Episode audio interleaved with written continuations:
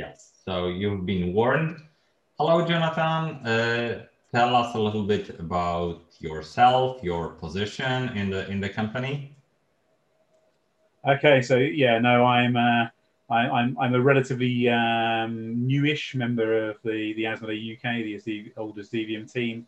I've been in the business for, uh, for for six years. My my current role is the purchasing manager, so I um, I head up the the team responsible for you know, setting up um, product, selecting product, you know, ensuring that we have adequate stock, and and, and choosing uh, you know, new titles to, to to bring into the so as a UK distribution business.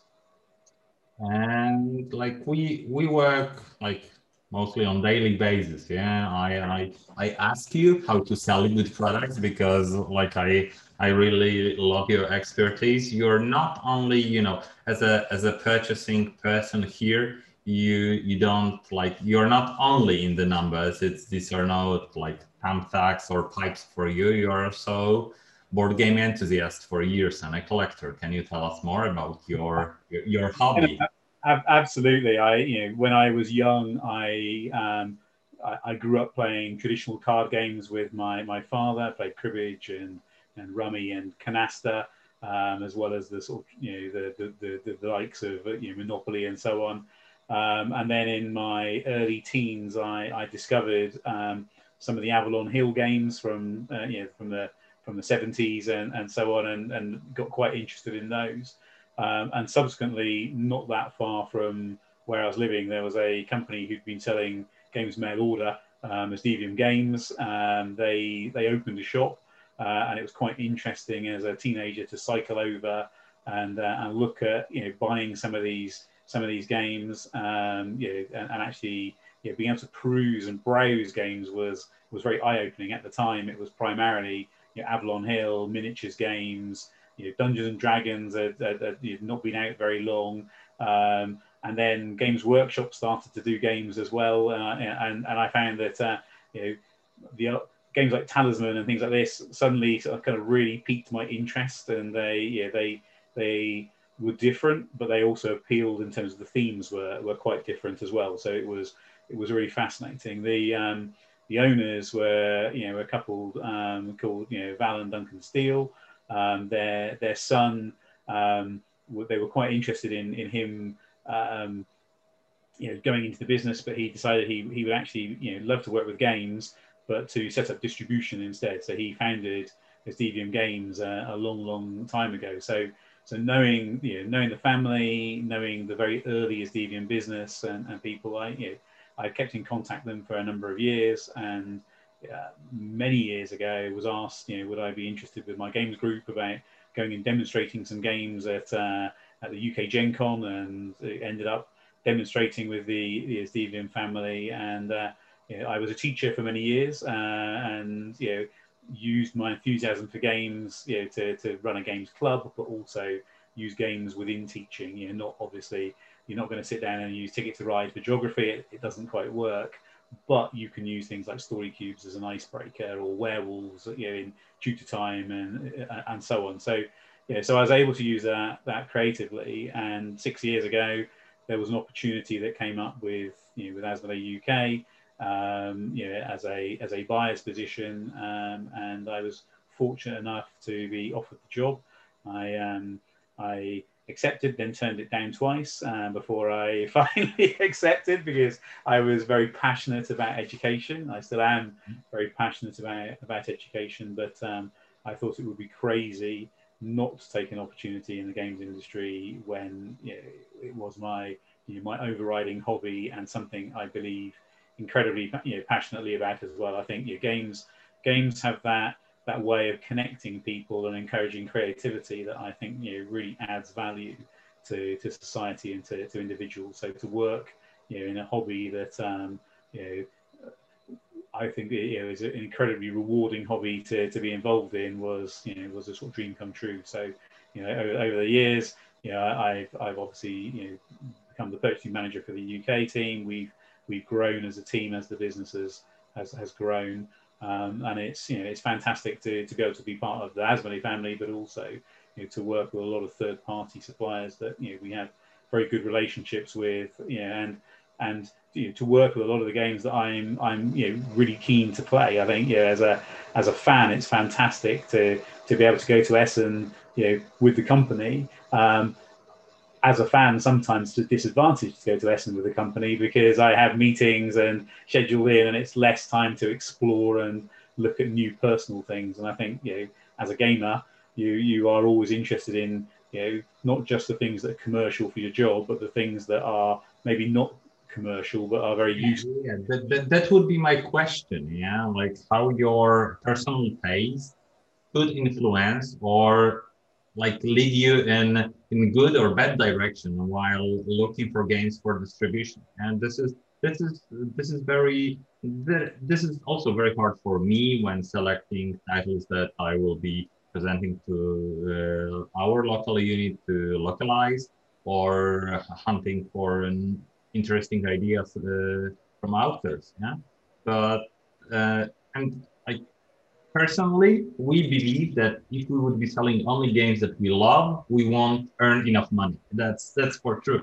That, that's for sure. Yeah, but. Uh, what's your like general view on this? What's the percentage of uh, of games that are ambitious or you know the uh, kind of interesting for seasoned veterans like you?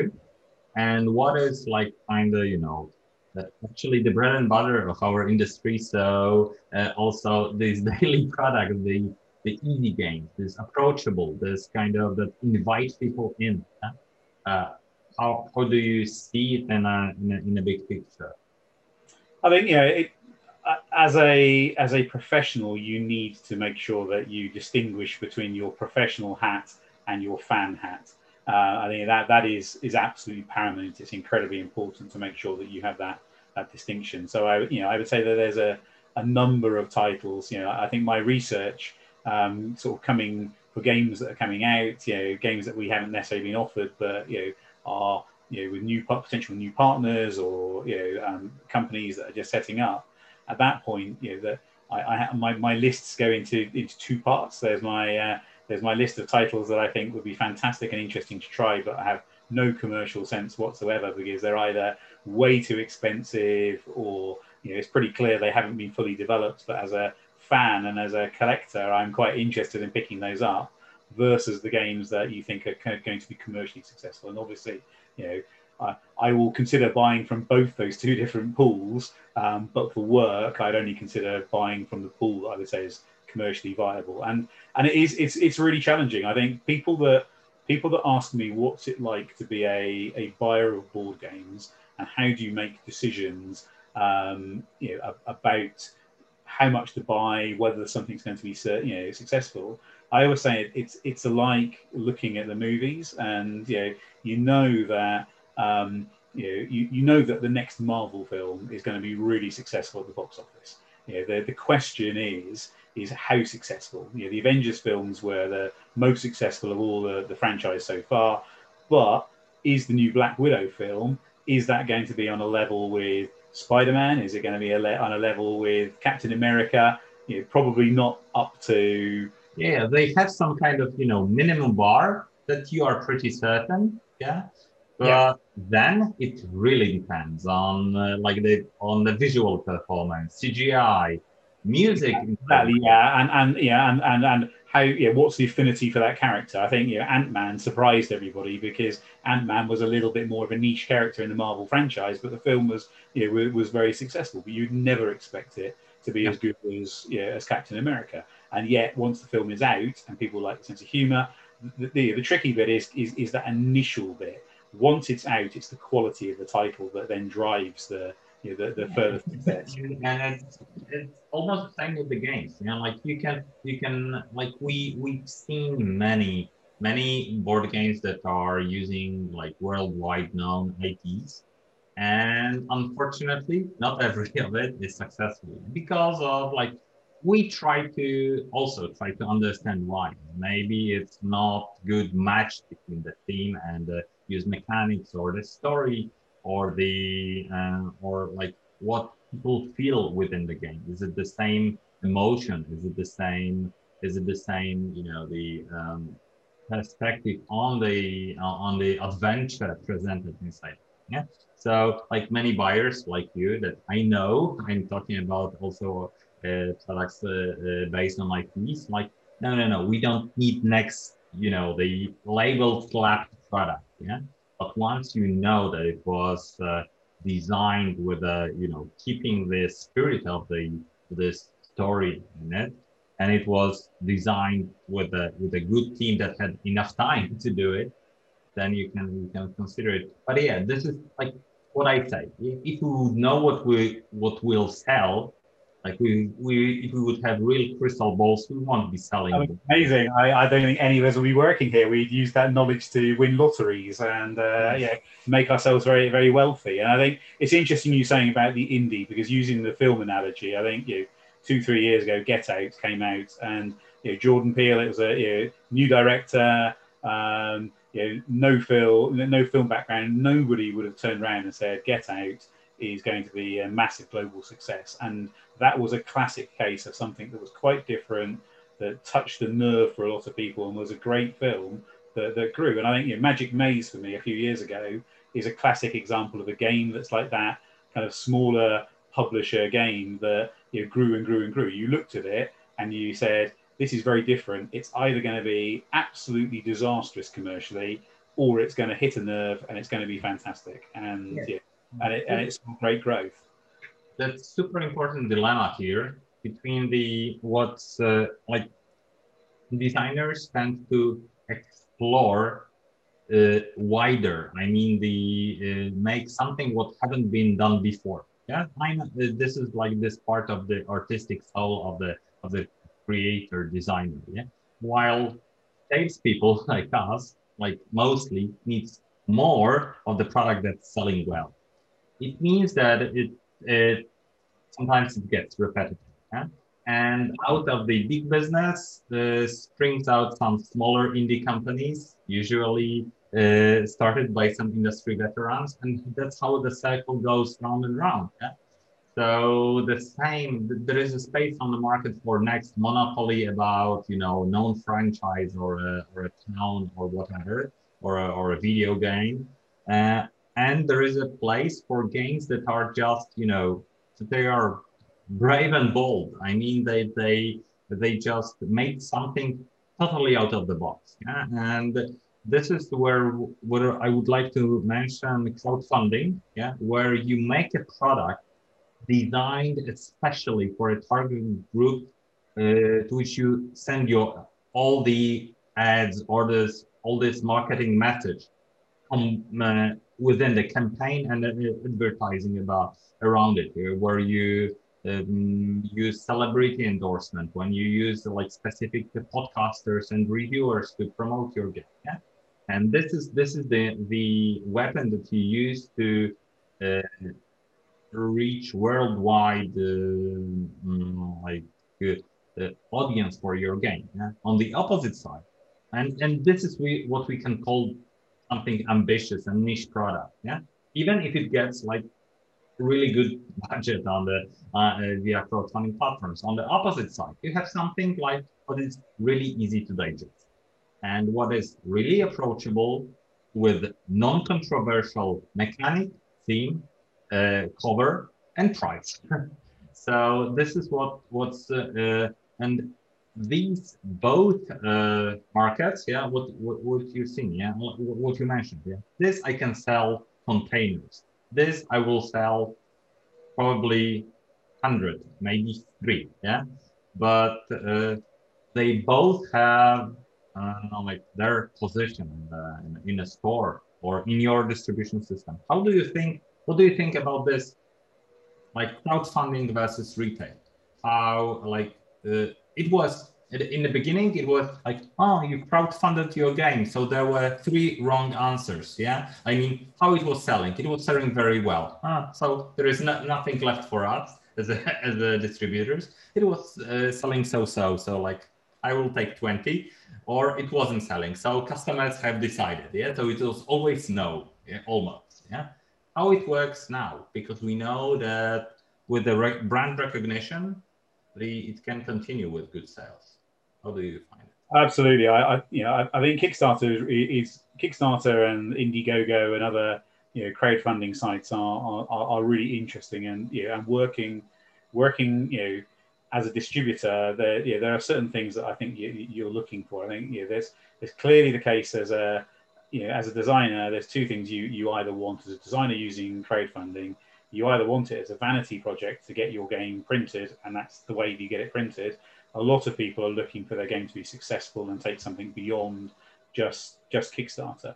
So I think yeah, looking at the whole package is, is, quite difficult to do. I think one of the bits that is is very different traditionally with Kickstarter is the process between a Kickstarter crowdfunding and a distribution business is often further apart, you know, because there's not, not that traditional link that you have in in, in the same way, and often you know, often distribution will look at something that has had a very successful Kickstarter. And I think success for me is not the percentage funding. I think that's one thing that's really clear to get across to you know to, to Kickstarter you know campaign creators. You know that we often get emails that are saying, you know, my my project was super successful because it's a thousand percent funded.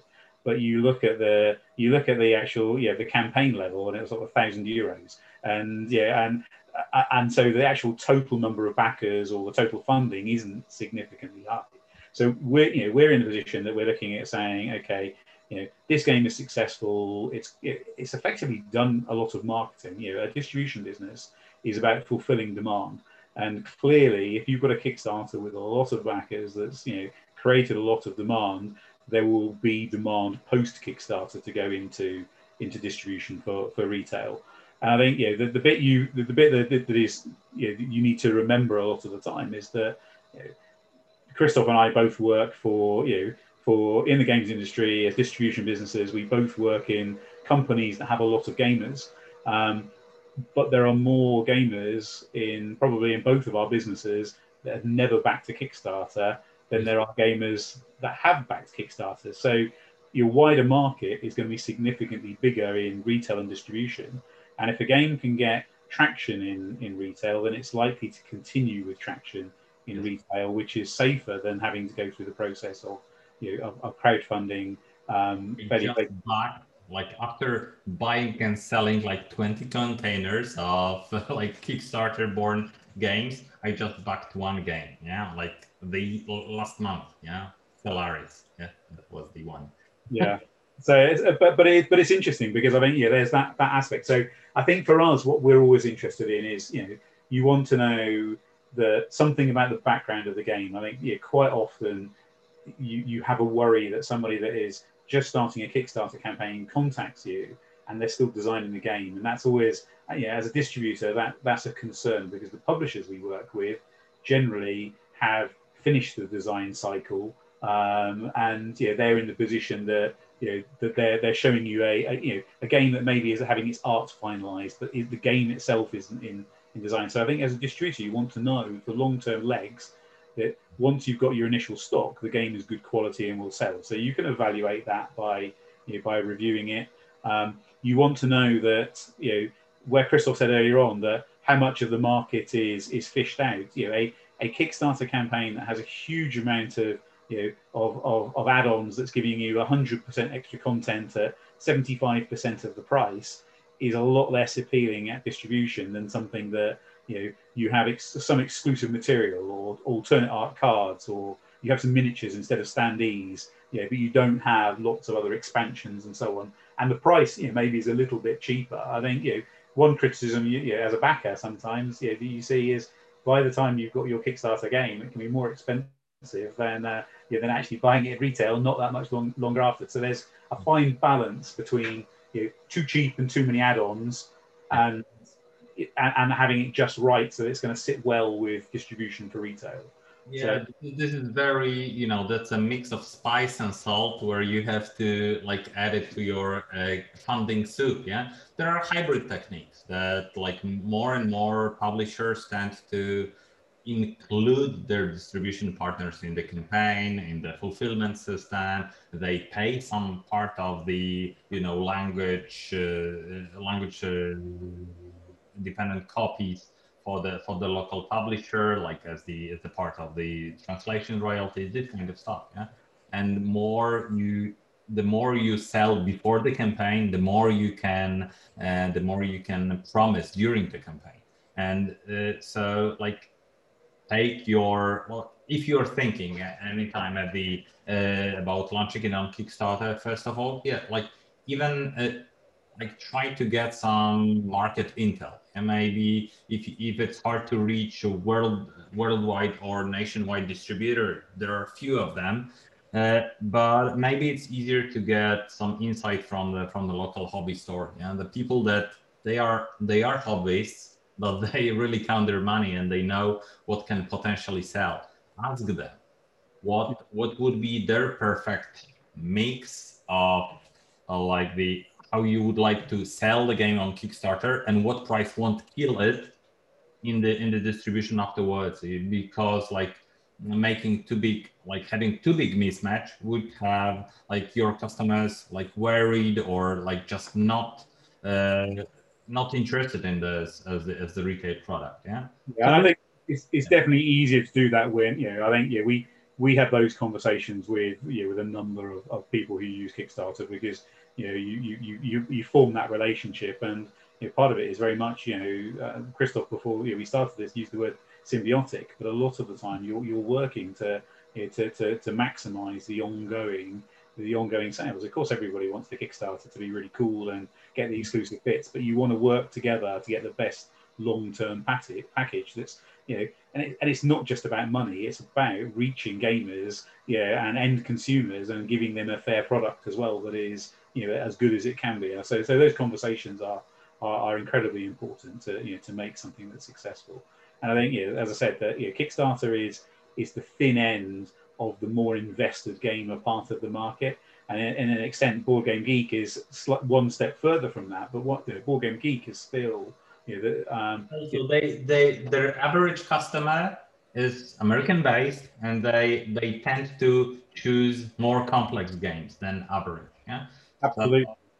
I think, when you look at yeah, when you look at a lot of very very successful games that are generally very well regarded, they don't necessarily stand up on Board Game Geek unless they are an Ameritrash game with lots and lots of theme, or they're a much more complex, you know, uh, involved game, and there's almost a looking down on you know, simpler European uh, style games. And yeah, we know that different types of games sell you know, in, in, in different territories uh, yeah, at, at, very different rates. And I think yeah, there's a market for there's a market for everybody in, in the same way that there's a growth from people That's playing you know, classic gateway games. You know, so you know, somewhere along that pathway, someone stops with the complexity of the games that they want to play, and yeah, and not everybody wants to play Gloomhaven. Yeah, a lot of people. Of course, it's not a one-way road. Yeah, like it, it branches a lot. I mean that you can find the your your pleasure in one game and lots of its expansions or or just you know uh, choosing different types of games instead of uh,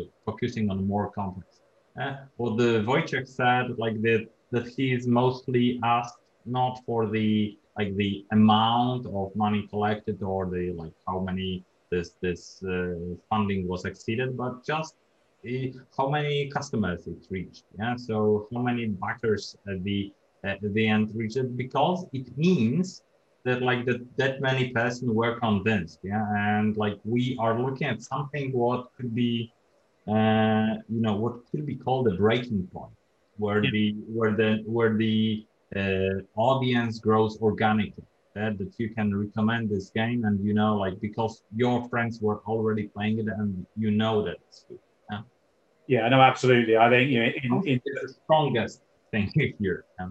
Yeah, in social in social statistics, there is a statistic that indicates that if 10% of the population um, yeah, encounters something, that makes a massive increase and, and gives growth potential, makes something significant. I think in gaming, there's no real statistics that show that, but I think yeah, for us, you know, starting point to looking at Kickstarters, you know, you, are looking at how many backers have, have, are there on that on that Kickstarter.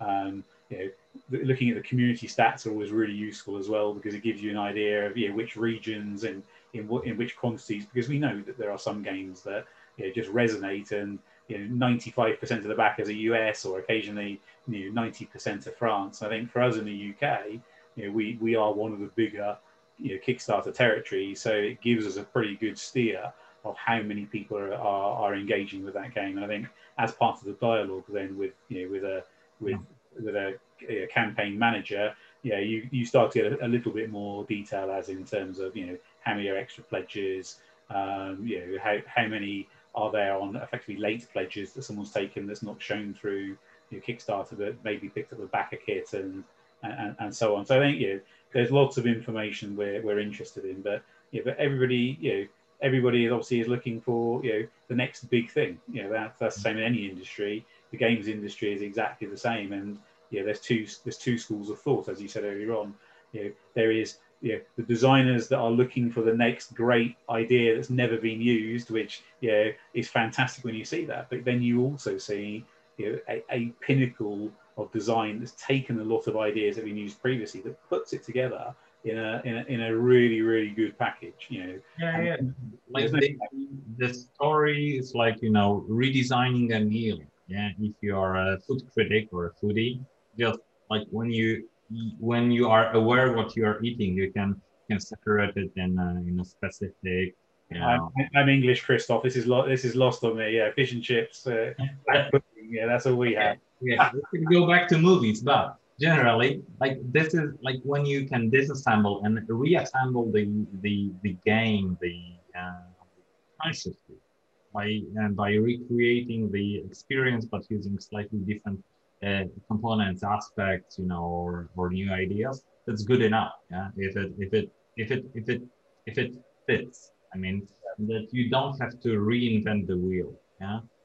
Or, of course, you are looking for the holy grail, but it's like it doesn't work like that. You have to do like many like regular projects first of all, and then maybe if you're brave enough yeah you can you can reach something like that yeah even like you know for the uh, it, it was like i don't know like hamilton for example the musical yeah it was rejected so many times because it was too Uh, innovative yeah i mean this this was too avant-garde yeah same with games yeah if the if like many publishers reject you maybe it's not a good time to launch this game on your own using your own assets because the market is pro. Maybe it's a great game, yeah, but maybe market is not re- yet ready for that.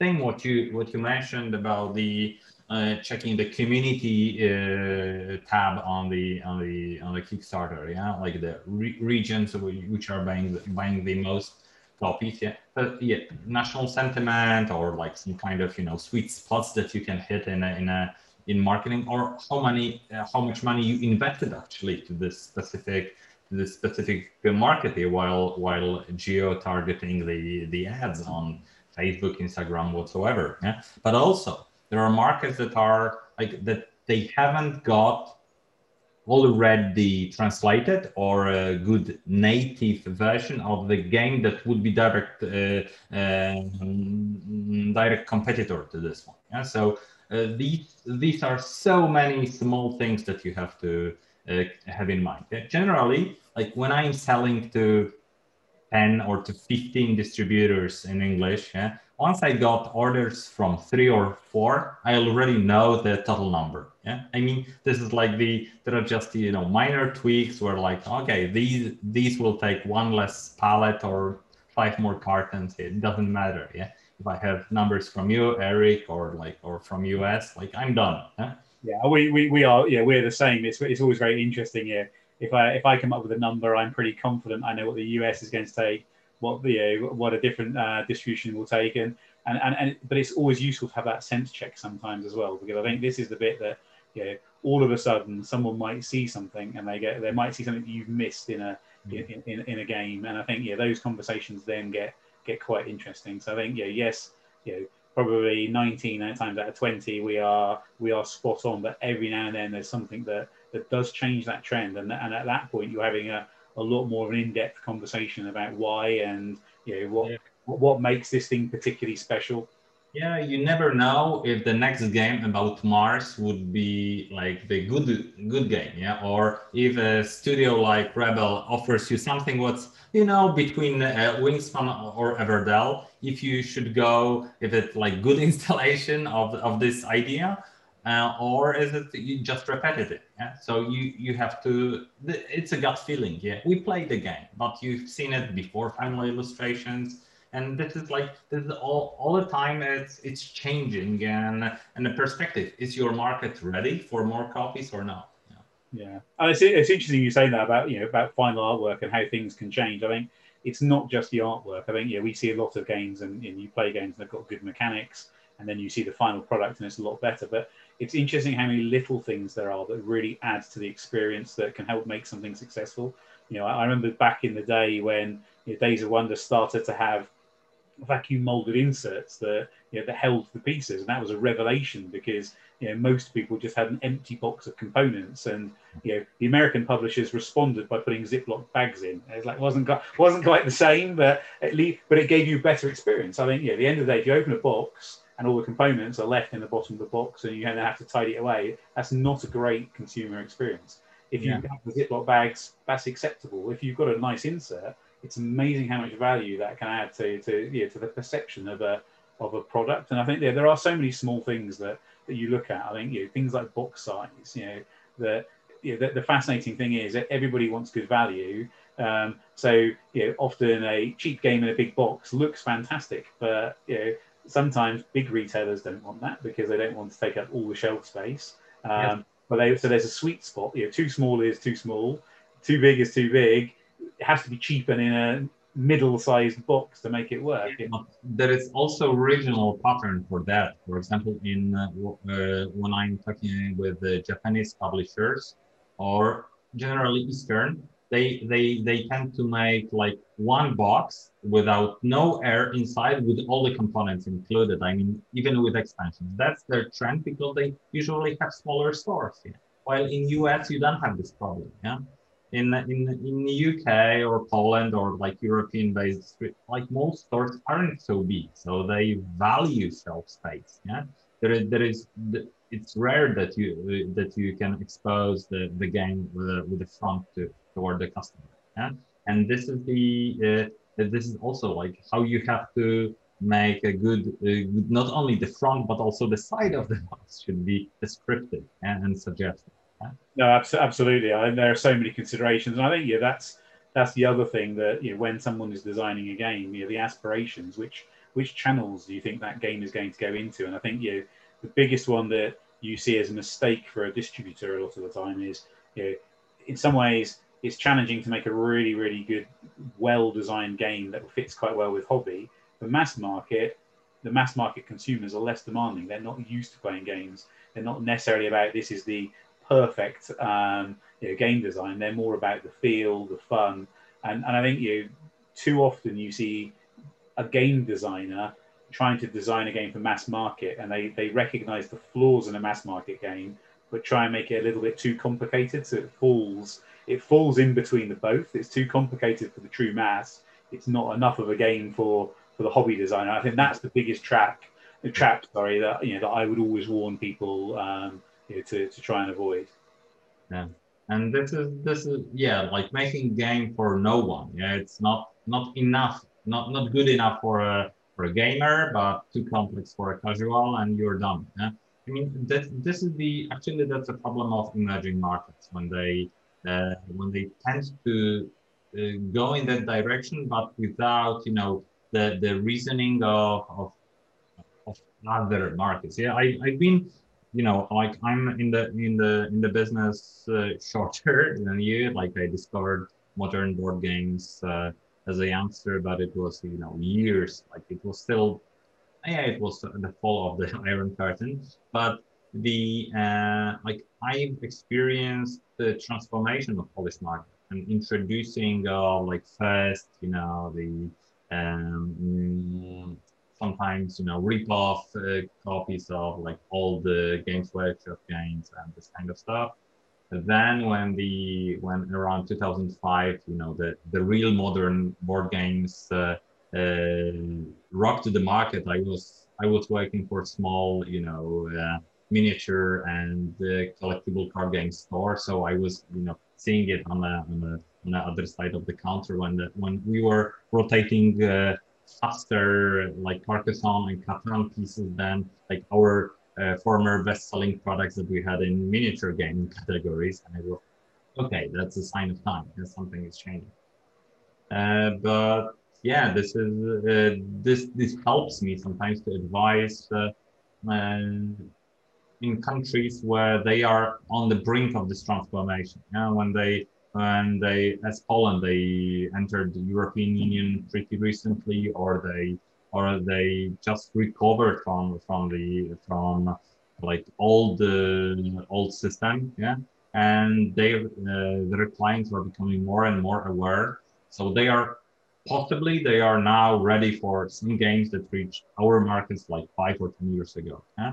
So this is it helps me to stop them from taking too complex games, but localize the games that could build from bottom up the uh, the game market, the, uh, the clients that are ready to, buy these uh, these uh, the, these modular board games that they are planning to uh, to launch. Yeah?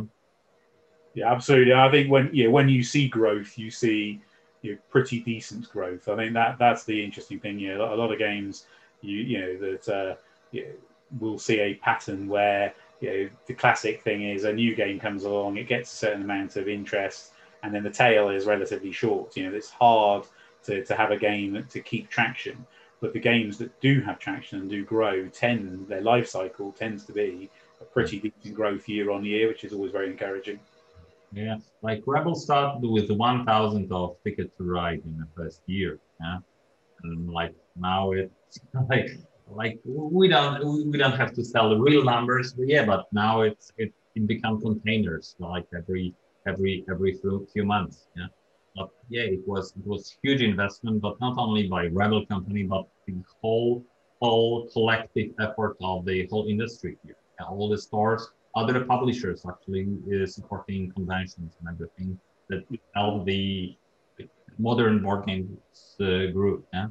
Wojtek is also asking you what was your biggest surprise, positive and negative. Like you, you can you can make it descriptive, maybe if you don't. it, yeah, I I, I think it's uh, that that you're setting yourself up to put uh, put yourself in quite an awkward position answering. Uh, yeah, of course. Yeah, I think yeah, the, the ones that the ones that you you know, as I say, I think things like for me that have been really interesting were the like the likes of Captain Sonar or Magic Maze that were you know, were so different that you know Magic Maze was either going to people were going to love it or they were going to hate it and yeah and, and generally that was that was very positive. Captain Sonar was very interesting. So I remember talking to to Matagot a number of years ago, and they were talking about you know, doing a very small print run in French only, and you know, it, was, it was very you know, it was very interesting to talk to them about getting some in English because it was you know it, it, it was going to be a challenge because you know it's effectively it's a team based game around yeah. submarine real time that was either going to be you know you're going to sell 60 copies and nobody wants it or you know, reviewers are going to get behind it and say this is fantastic. It's going to be really good. So I think you know that was a really positive surprise. That you know it, you were hoping it would be successful, uh, and it was. But I think you know some of I think where has been interesting, some of the negative surprises have probably been some of the kickstarters that you know that going from you know massively successful Kickstarter campaigns, you just have not performed at, at retail in any way. And I think yeah, they're, they're where I said earlier on, yeah, sometimes the, having the gap between a Kickstarter and you know, a retail edition being not too big, you know that that helps. So so the, I think two or three Kickstarters that have been huge Kickstarters that disproportionately have not have underperformed. I think a lot of it is because people speculated because there was so yeah. much on the yeah. I'm, I'm afraid that was that that these weren't like good games at all. Yeah, I mean that like when you are impulse buyer uh, during the Kickstarter campaign, when you buy with your eyes, you don't you don't have like some publishers still don't publish their uh, rules for their games well.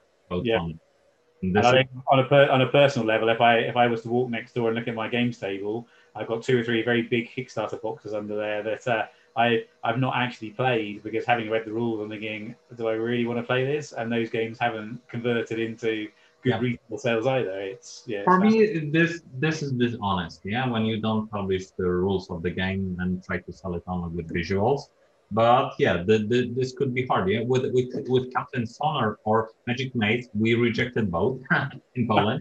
uh, like we we we have a success story of rejecting many many good games, but it was it was the question: is it a, is it a game or is it a toy? Yeah, like this this kind of this kind of dilemma. Yeah, like okay, we had like we were you know we were playing in a group like and uh, and. Uh, and uh, people from the next uh, uh, next room came here. Oh, you're having fun. Are we publishing this game? No, it's so stupid. We cannot publish it. Yeah, we are having fun because we know how to play. We know each other in this very specific in this very specific group.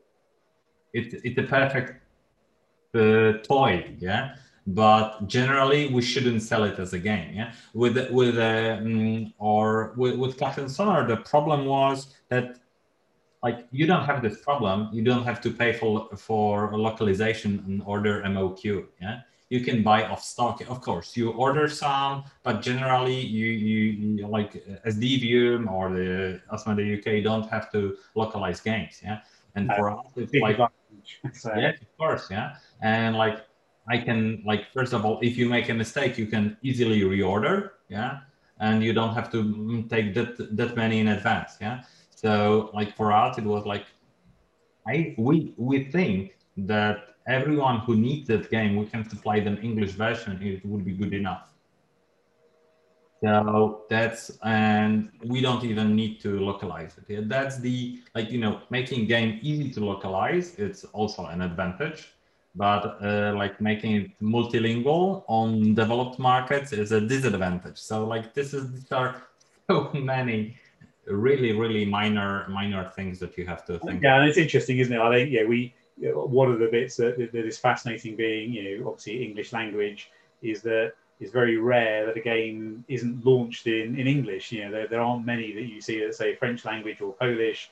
The yeah, that someone's looking to to launch on that territory and then successfully try to, to launch into, into English. So the disadvantage we have is, is the sheer amount of competing product because there are so many English language games being launched constantly. I think, yeah, where, where you were saying, you know, you, you can look to fulfill some demand in English because you're going to appeal to the core gamers. You know, the games that are really good and the games that are really successful often are. You know, I know talking to, you know, to you and some of the other sister companies in Europe that, you know, games will often be in English in their territory for you know one or two years before you know, there, there's enough sales history to, to localize to, you know, to try and grow the game from there because as you say it's a big investment in terms of translation and you know, bespoke print run. All depends on the game yeah well sometimes we we reprint game not just after it sells out yeah. We we sometimes we wait to for stores to sell out and then we we are able to relaunch the product yeah.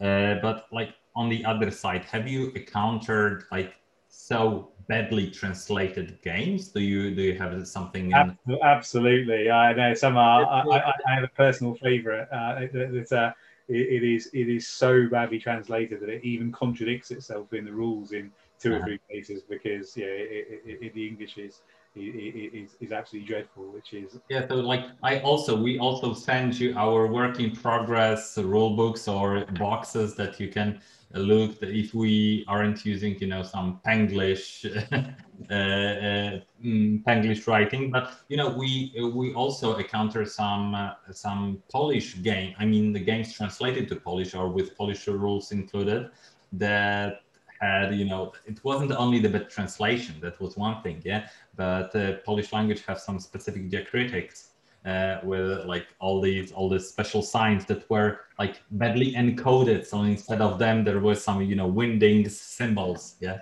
yeah. so it was like really it, it's on the box. Yeah, on the, uh, sometimes on the front, and it's like, guys, like it's done. Yeah, like don't even try to sell it in Poland. In Poland, yeah. But it's an interesting thing because I think yeah, you, you you turn around. One of the pieces of advice you always give to, to game designers is yeah is, is to get blind play tests, get you know, get games you know, tested by as many different people as you possibly can. You know, um, but clearly not people that have an affinity with you once you've gone beyond the initial playtest group because you get better quality feedback. You've probably got a similar thing with the rules a lot of the time. Too many people write their own rules to their games, knowing how they play, and yeah, and, and, you really want someone to independently either write them or proofread them. Yeah, that just does not know the game. And I think yeah, too often you find rules that have got bits missing, especially on first-time publishers. Uh, I think it's it's bit you know you can do and you can cut corners in terms of cost, but actually it's you know even if you've got a even if you've got a friend, a close friend, to you know just get them to read it and you know make sure it makes sense that doesn't know how to play the game. That that is obviously you know, quite a key aspect. Yeah, yeah, of course. That's that's like it's you know we have really specialized team of uh, translators and editors, but like even you know using uh, you know as you crowdfund you can also crowdsource it yeah? And there are many people that are willing to help in the community just for credits in this rulebook or on the web page yeah? So they can uh, uh, like there is it's more and more often a policy that uh, that some companies make a, a, limited time frame for like most dedicated fans to take a look at the game rules and components before it goes to the for the for the printing yeah sometimes it's watermarked or low res so it's it doesn't allow to print the uh, copy of the game like printing one copy is more expensive than than buying one one regular copy from the store. But generally, it's uh, like it's more and more uh, used as the as the business practice. Yeah. So, yeah. Okay, uh, John. Like I'm keeping this episode short, about 45 to 50 minutes. So I think that we that we hit it. And uh, yeah, thank you for uh, for joining me here. Thank you for chat. No, it was a pleasure. It was very nice to be invited. So thank you. Thank you. You may stay a few more minutes with we'll talk with Wojtek and Joanna here. Maybe they have direct questions. Uh, so see you next week with different guests. Thank you.